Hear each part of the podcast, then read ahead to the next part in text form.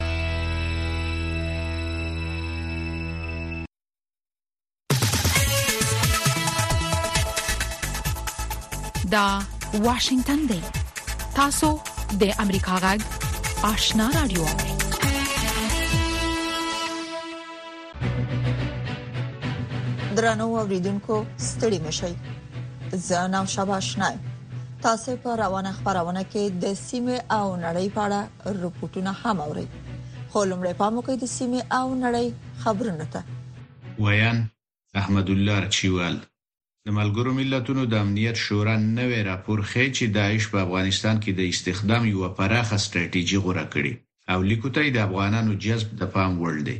نړیوالې سولې او امنیت ته د داعش له خوا ورپېښ ګواښ او له دې ګواښ سره د مبارزې په برخه کې له غړیو هېوادونو د ملګرو ملتونو د ملاتړ هڅې تر عنوان لاندې د ملګرو ملتونو د سرمنشي اتلسم راپور بشپړ شوی او د جنورۍ پر یو دېرشمه خپور شوی. په دې راپور کې راغلي، داعش خراسان څانګې د طالبانو د خپه شویو غړو او بهرنیو جنګیالیو په جذبولو تمرکز کړی او ترڅنګ یې په تاجکستاني شبکو کې د لابیګرۍ لپاره هلې ځلې زیاتې کړي. د جرمني د بهرنیو چارو وزارت په افغانستان کې د دغه هیواد له وګړو غوښتي چې د امنیتي ګواښونو له امله له دغه هیواده ووځي. او افغانستان ته د سفر پر مهال د امنیتي تدابیر په پام کې ونیسي. دغه وزارت نن په خپله ویبپاڼه کې د یوې اعلامیې په خپرولو سره په افغانستان کې میشتو الماني اتباعو ته ویلي چې دغه خبرداری جدي ونیسي او د سیمه ییزو ټرانسپورټي او افغان هوایي شرکتونو له لارې د سفر نه کوي.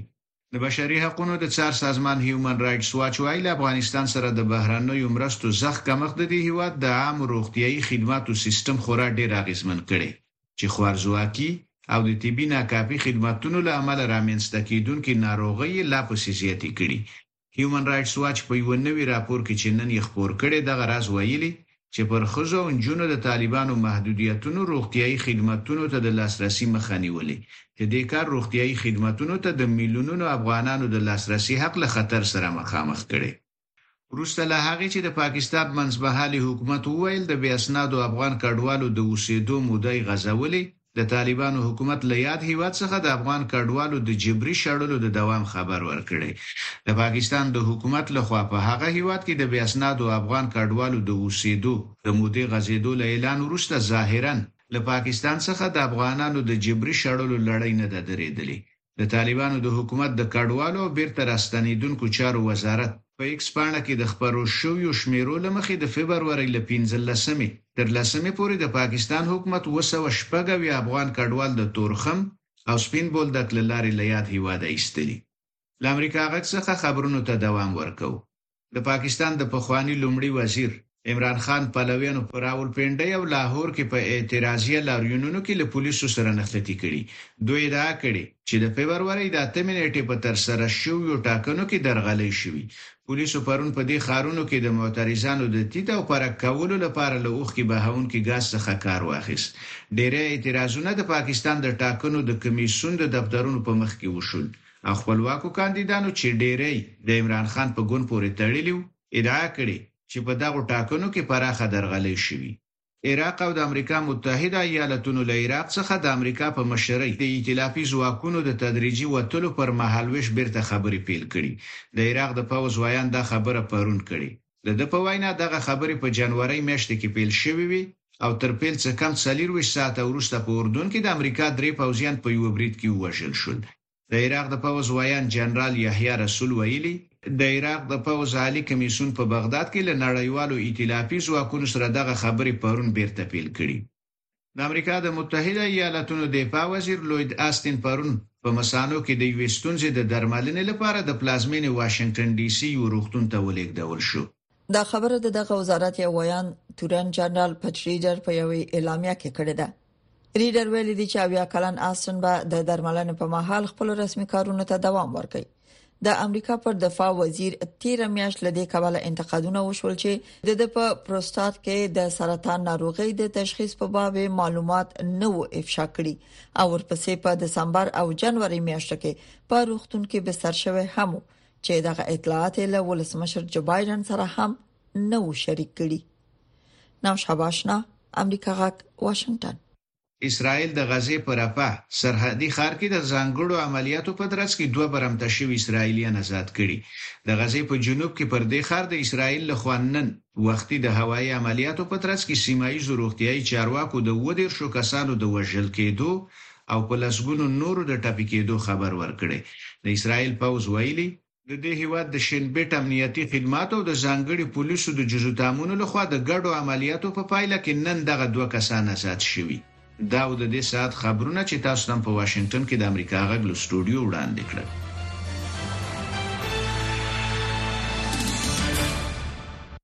د سیمې او نړۍ خبرونه مو واوریدل په موقع د سیمې او نړۍ په اړه رپورټونه ده د بشري حقوقو د څار سازمان په یو راپور کې ویلي چې په دوحه کې د افغانستان په اړه د ملګرو ملتونو په غونډه کې باید د دغه هیواد روغتيایي سیستم ته جدي پاملرنه وشي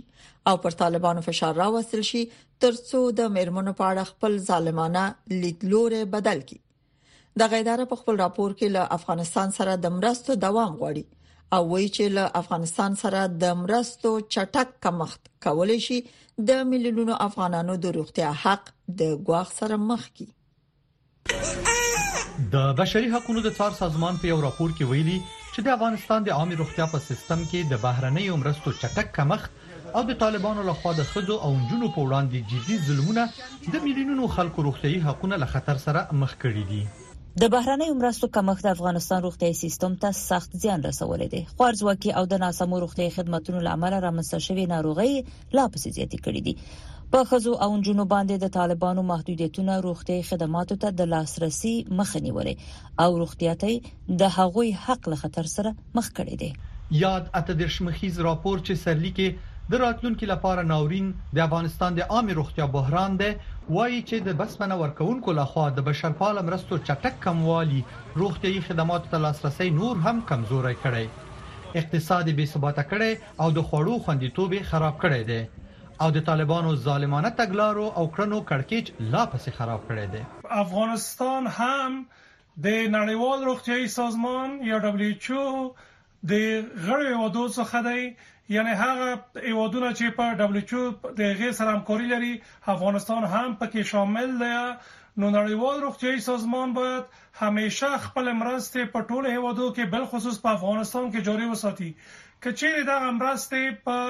صحي برخه کې یا په روغتیايي برخه کې قطع کیږي نو ډېرې ستونزې به رامنځ ته کړي. د بشري حقونو د څار سازمان ټینګار کړی چې د افغانستان د وضعیت په اړه په دوحه کې د ملګرو ملتونو عمومي منشي په کوربتوب جوړیدونکې غونډه کې باید د مهمو هیوادونو ځانګړي استازي پر طالبانو فشار راوړي ترڅو پر نجونو او ښځو باندې د زده کړو او کار په برخه کې لګیدلي محدودیتونه لغوه کړي.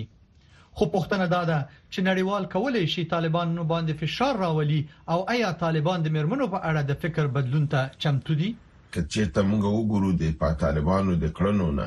په تیرو دوه نیو کالو کې دا واضح معلومه ده چې طالبان به هیڅکله دا خبره په داسې یو دغې سره ونه مني مګم د فشار لارې موجودې دي که چیرته اسلامي امارت باندې واقعا فشارونه راوستل شي ممکنه ده چې دوی د دغه شي او د توادار شي د دی وکي د فشارونو لارې دا دي چې ګوري دی تحریمونه پی لګي چې سفر ته ونی نشي تللی اما ګورو چې هغه سفر ته اجازه پیدا کوي دوی باندې د هغه گاونډیو په ذریعه چې پاک امریکا پاکستان په باندې ډیر یعنی موثر دی افغانستان ورته محتاج دی د د باغی ذریعہ باندې د کولی چې فشارونه راوړي هغه فشار دوی تر نن نه دی راوړي ظاهر باندې دوی وایي چې د اسلامي امارات باندې فشارونه راوړي دي مګم دوی فشار ته نه نه هغه څه چې لازمه ده نه دا وارد کړي او دا فشارونه نه داسې باید نه چې د بشري مرستو په اساس په بنیاد کې چې په هغه په ملت تاثیر واچي دا باید د فشارونه چې مختص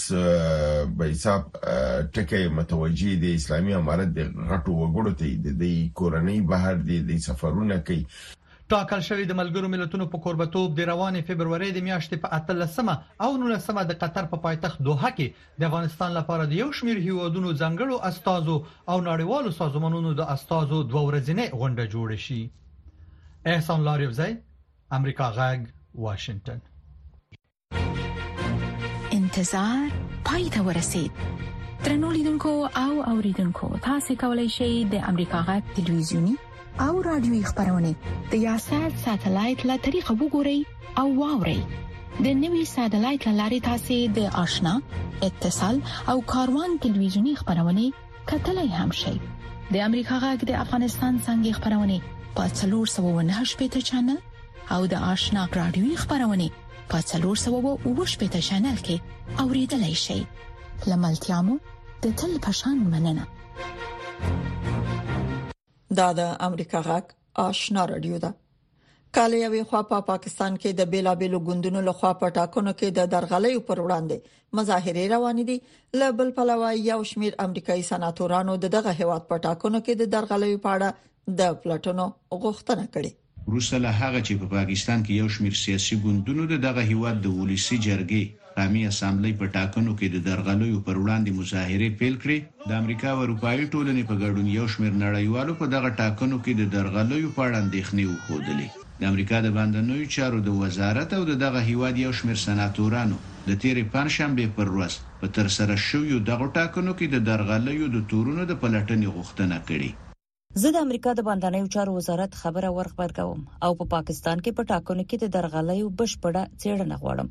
اوس د دې وخت چې د نړیواله ټولنه د پاکستان د خلکو سره ودرېږي مونږ تر هغه چې نوی روښانه شوی چې په ولسواکۍ حاکمه ده د پاکستان نوی حکومت په رسمیت نشو پیژندلای بل خوا نن د پاکستان په بیلابیلو ښارونو کې د پخواني لومړي وزیر عمران خان د ګوند غړو او ځینو نورو سیاسي ګوندونو په ټاکنو کې د درغلیو په اړه مظاهرې وکړې.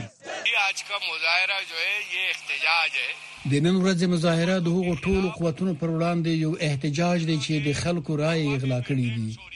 دا د هغو خلکو پر وړاندې یو احتجاج دی چې د خلکو رایو ته درناوی نه کوي. او فکر کوي چې دوی پر خلکو خپل پریکړه ټپلای شي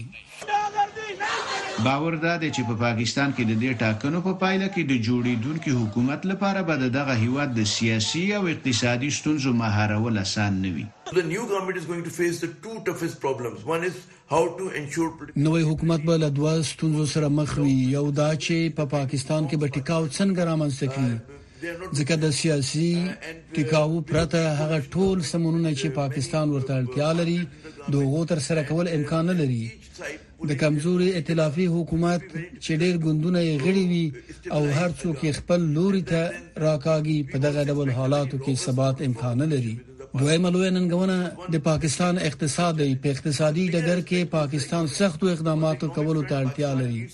پاکستان اړ دی چې سمدستي نړیوال وجي صندوق ته د پاکستان د پور د وګدولو لپاره مراجعه وکړي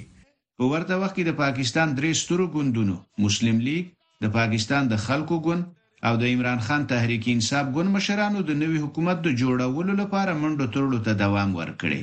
اټکل دا دی چې دغه ګوندونه په پاکستان کې د نوي حکومت د جوړولو لپاره له ستونزمن حالت سره مخ دي. احمدالله ارچیوال، واشنګټن.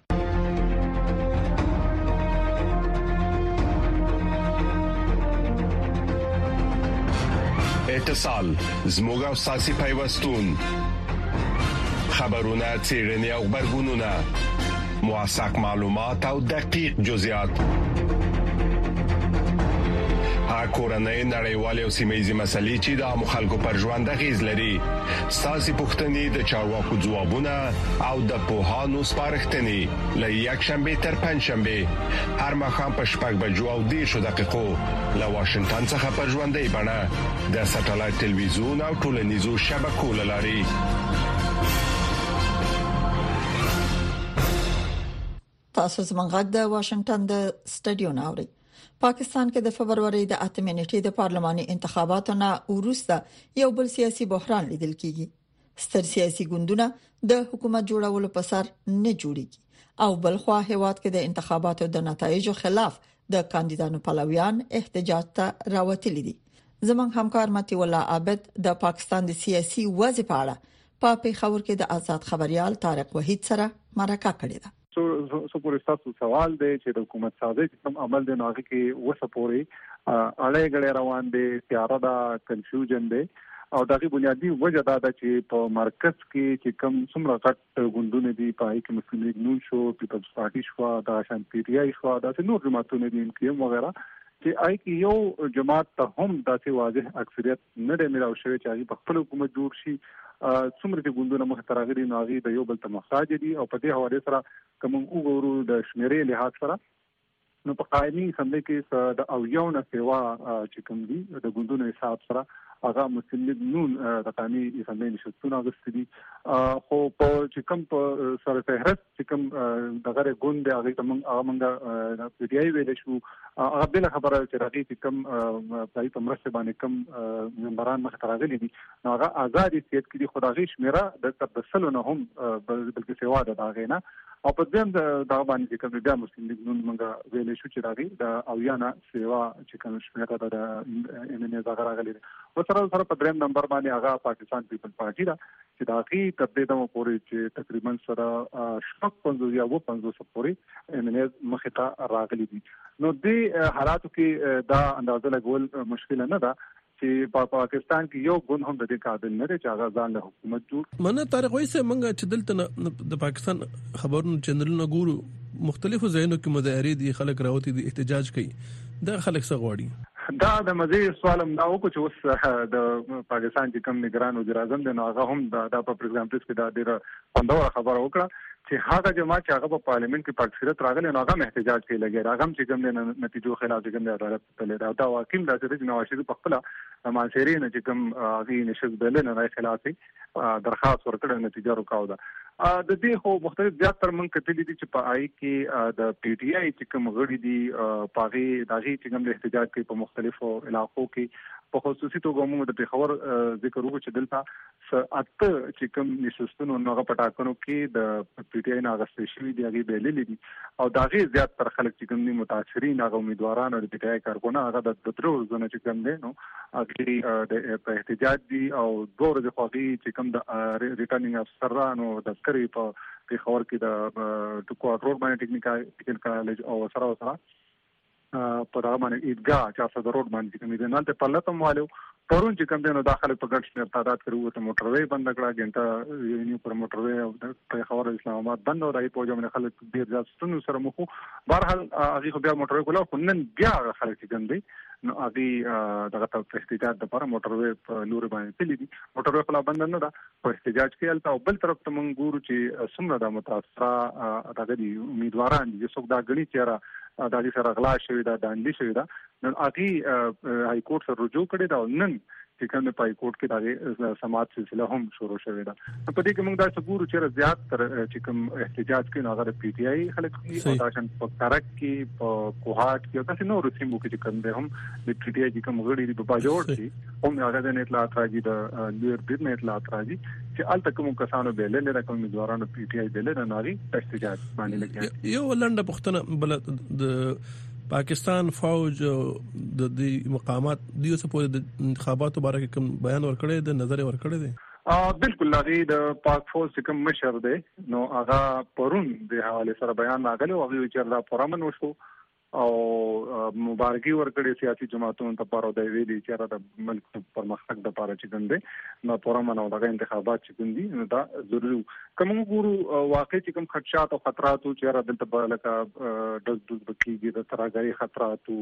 امیدواران ورکورونه راوته موږ په خپل دا وی چې را دام غنل خدشه او چې رکې دي په غټه سطح باندې ځخون خرابو شو الله خیر وو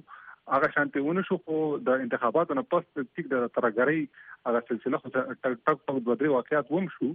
خو د انتخاباتو نه پس چې کوم د دانلۍ هغه سلسله و نو هغه شروع شو دا غي نه پس چې کوم د اړې غړې د سیاسي نو په کار چې دا اوارشه وي دا د ښکاری چې د سیاسي اړې غړې چې کوم دی دا په سره روانو ورو کې نور هم سیوا کیږي ډیر ډیر مننه محترم طارق وید صاحب چې موږ ته د پاکستان د سیاسي حالت باره کې معلومات او خپل نظر راکړ کور مدن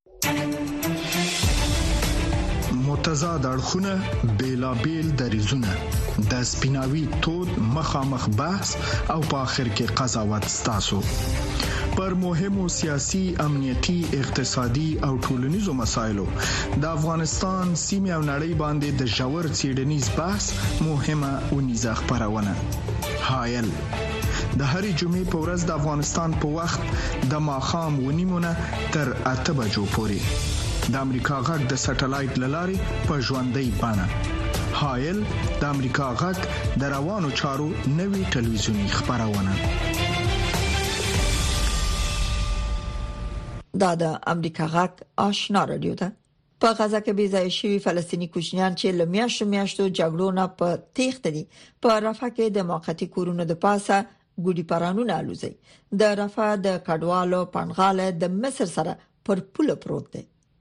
تفصيلي پر پورت کې اوري د رفح د ښار په یو کنج کې د کډوالو لپاره جوړ شوی خارګوډي کې فلسطینی کوچینان وایي چې په کاغذ پرانو خپل ساعت تیروي موږ د لوبو خپل سامانونه خپل ملګري او خپلوان مو چې موږ ته ډیر ګران وو په خپل کلي کې پریښودل لکه څنګه چې اسراییلیان خپل الوتکې الوزوي موږ به خپل ګوډي پرانونه والوزو د اسراییل الوتکې بریدونه کوي زموږ هغه نه کوي له هغه وروسته چې اسرایل د غزې پر تړانګ برید پیل کړ د غزې خونی سیستم سخت زیانمن شوې دي په تیرو څلورو میاشتو کې شاوخوا 308 اویا خونځي ویجاړ او یا هم لمنځه تللي دي د فلسطین د ښوونې او روزنې وزارت د 4320 زده کوونکو 201 ښوونکو او 98 استادانو د وژل کېدو خبرداري ورکړې اوس د کاغذ پرانو الوزول رفعت د بیځای شویو کوچنیانو د ساتیرې نوي وسیله ده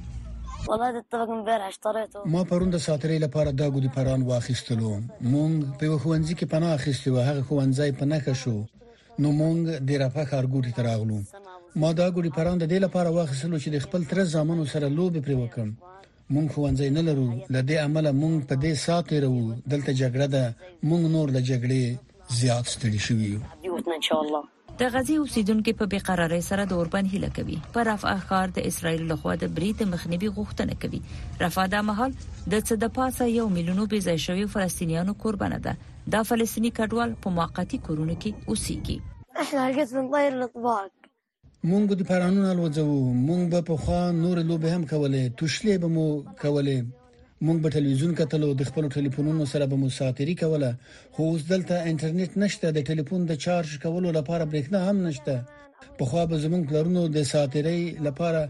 مونږ پارکونو ته بولو مونږ به هر ځای ته تللو خو اوس نه پارکونه شته نه باغونه شته زما پلار اوس زما د مشر ورور سره د غزې په شمالي برخه کې دی نو مونږ به څنګه بهر ته ولاړ شو یوازې خدای پاک زمونږ له حاله خبر دی دا ډیره ستونزمنه ده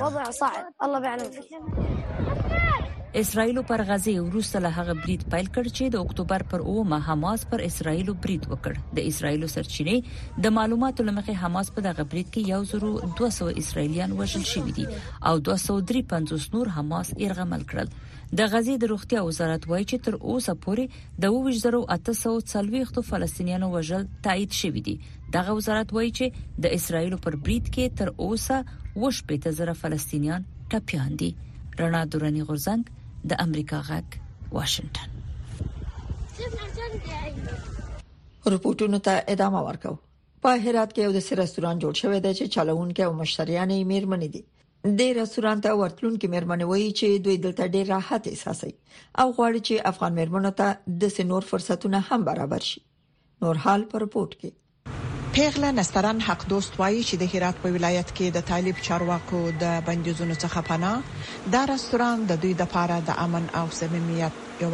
فضا ورکوي امروز بعد از مدت ها تونستم از تمام حیاف فرار کنم و به یک مکان امن فنا بیارم که بدون هیچ ممانعت و هیچ ترس بتونم قشنگ چای میل کنم و یک کتاب در یک مکان آرام بخونم من خیلی خوشحالم که همچین مکانی هسته برای دخترا که میتونیم خیلی به یک ذهن آروم یک چیز هم میل کنیم هم دیدار کنیم با دوستا خو هم با خانمای خانواده دور هم جمع شیم هم که تونست اونجا از کتابای که اینجگا هسته استفاده مفید کنیم. دا رستورانت د هرات میرمنو ته یو داسې د امن ځای دی چې دوی پرته له کوم تشویشه او مداخلې د خپلو کورنیو او دوستانو سره یوه شیبه ښه وخت تیر او د ښو خوړو څخه خوند واخلي. من خودم هم خوشحالم نیازی که جای خوب یا محیط امنی یا برای خانما که می جمعیان راحت نان می خورن خودم هم راحت هستم باز این جا ازی که دگه جایای که بسته که تو از لحاظ امنیتی خوب نیست اینجا به ما خانما خیلی جای خوب هست جای امن هست. د صبح بهار په نوم دا رستوران خپلو مراجعینو ته منتو، بولاني او ای خانم تیاروي. او راغلو مېلمنو ته یې د وطني ډوډۍ سره ورکوي. مېرمن مرجان رحیم وايي چې د هرات مېرمنې باید دا ابتکار تشویق کړي ترڅو نورې مېرمنې هم زړه وکړي او داسې نور ځایونه هم پرانیزي. خیلی خوشحال وم برای خود و واقعا رضایت بخش. ای که اولا که رضایت بخش به خاطر از اینه که خانومی که اینجا افتتاح کرده و داره با خانوم هایی که اینجا کار میکنن واقعا یک میتونیم اونا رو حمایت بکنیم وقتی که اونا حمایت بشن طبعا خانوم های دیگه انگیزه میگیرن بیان همچین کارهای در همچین راستایی د دې رستوران مالکه ملالۍ فروتن وايي چې هغې د ډېر وخت څخه دا ارمان درلود چې داسې یو رستوران پرانیزي چې یوازې د مېرمنو لپاره وي. علاقمندی زیادی داشتم با رستوران هایی که مدام می رفتم می دیدم و گفتم ای کاش که من بتونم یک روز یک رستورانی داشته باشم و به همو علاقمندی که داشتم باعث شد که رستورانی وکنم مخصوص بری خواهرا باشه خانم ها اینجگا بیایم از غذاهای معلم و نوش جان کنان و چند خانم دگه هم که بیکارم دست اونا به کار شه. په هرات کې هم لکه د افغانستان د نورو برخو په ډول اقتصادي مشکلات زیات دي او داسې یو رستورانت چې یوازې د میرمنو لپاره وي خلاصول او چلول یو ستونزمن کار دی. و زونا یک روزی بر مه زنگ زدن گفتن تو بیای مه رستورانت باز کردن تو بیا به رستورانت مه اینجگا خادم همکار شو. از ای که به خانه بیکار شیشته ای و مه خل احساس خوشی دارم از ای که تقریبا سه ماه میشه که مه به ای رستوران ایفای وظیفه پیش میبرم. په داسې حال کې چې په افغانستان کې د طالبانو حکومت په نجونو د تعلیم او میرمنو د کار دروازې تړلې، د حجاب او نارینه محرم څخه بغیر له کوره وتلو بندیزونه لګیدلي، په داسې حال کې د صبح بهار رستوران د هرات لپاره یو ستر غنیمت دی. شافیه سردار امریکا جغ واشنگټن درنو اوریدونکو دا د اوس په یو سرمقاله ووري چې د امریکا د حکومت نظر څرګندوي متحده ایالاتو له څو لسیزو راهیسي د خپلې دوه اړخیزي او څو اړخیزي ډیپلوماسۍ او بشري مرستو ته د لاسرسي او د سوله ساتو ځواکونو سره د ملاتړ له لارې په افریقا کې د سولې د هلو ځلو او د بې اسرې وګړو ملاتړ کړی. دغه خبره د متحده ایالاتو د بهرنیو چارو په وزارت کې د افریقا د چارو مرستیال سکرټر جاناتن پرات د کانګرس په یوې وروستۍ استماعیه غونډه کې وکړه. مرستیال سکرټر پرات ویل چې متحده ایالاتو په افریقا کې د ملګرو ملتونو د څو سوله ساتو ماموریتونو د سرته رسولو لپاره د مالی مرستې په برخه کې فوق العاده ونډه اخیستې او هم په ستونزمنو حالاتو کې مرسته کړې. مرستیال سیکرټر زیاته کړه نن مونږ ګورو چې افریقایي مشران او افریقایي یواله دواړه ارزومن دي چې د سوله ساتو کوششونو مشري په غاړه واخلي د ملګرو ملتونو د امنیت د شورا 2219 لمبر پریکړه لیک د سولې ساتنې ذمہواري افریقایي شریکان ته انتقالوي چې ملګري ملتونه به مالی مرسته کوي مرستيال سیکرټر پرات زیاته کړه چې د ملګرو ملتونو افریقایي یووالي او سیمه ییزو فرعي ماموریتونو یو اساسي عنصر دا دی چې بشري حقوقو ته درناوی ودی او د ملکیانو د ژوند د خوندي ساتلو او بشري مرستو ته د لاسرسي په خاطر خوندیتوبونه پکې شامل دي مرستیال سیکرټر زیاته کړه چې افریقایې اتحاد او سیمه ییز فرعي ماموریتونو عملاً جوته کړې چې په چټکتیا خپل ځواکونو د سمبالولو ظرفیت لري په ځانګړې توګه کله چې په سمه توګه مالي مرسته وسره وشي او د لوجستیکي ملاتړ باوري میکانیزمونه ورته مساعد شي مونږ ګورو چې د وخت په تیریدو سره د سیمه ایزو فرعي او دواړخیزو ماموریتونو په لور تمایل زیاتیږي ځکه چې د چټک ځواب توان لري او خپل چم گاوند کې د نامنۍ پر خلاف په جګړه کې د ونډې اخستو له لارې په حقیقت کې د خپلو هیوادونو د ملي ګټو خیال ساتي. مرستیال سیکرټر پرات تاکید وکړ، مهمه دا ده چې سوله ساتي ماموریتونه، ورسپارل شوې دندې او نړیوال قانون په پام کې ونیسي. موږ د څار لپاره بهترین قوانین او د حساب او کتاب میکانیزمونه مو چمتو کړي، ترڅو شخصي قراردادیان د پالیسۍ له کړنلارې سره سم عمل وکړي او حقوقي معیارونه مراعت کړي. مرستیال سکرتر وویل چې د دې برعکس دا هغه څه نه دي چې د روسیې د واګنر ګروپ ډلې په کوم هوادونو کې چې حضور لري کوي مونږ هلته د ترهګریزو بریدونو او پر ملکیانو د بریدونو زیاتیدل لیدلې دي چې ورسره بشري مرستو ته لاسرسي هم کم شوی او همدا شان په بشري حقوقو د تیریو په اړه رپورټونه سیوا شوي دي متحده ایالات د افریقا او متحده ایالاتو ترمنځ د یوې بریالۍ ملګرتیا او شراکت په خاطر د بنسټیزو ډبرو په توګه د دیموکراسۍ، سولې او امنیت پرمختګ ته ژمن دي. درنو اوریدونکو خبرونه په همدې ځای پای ته ورسیده تر بیا خدای مل شي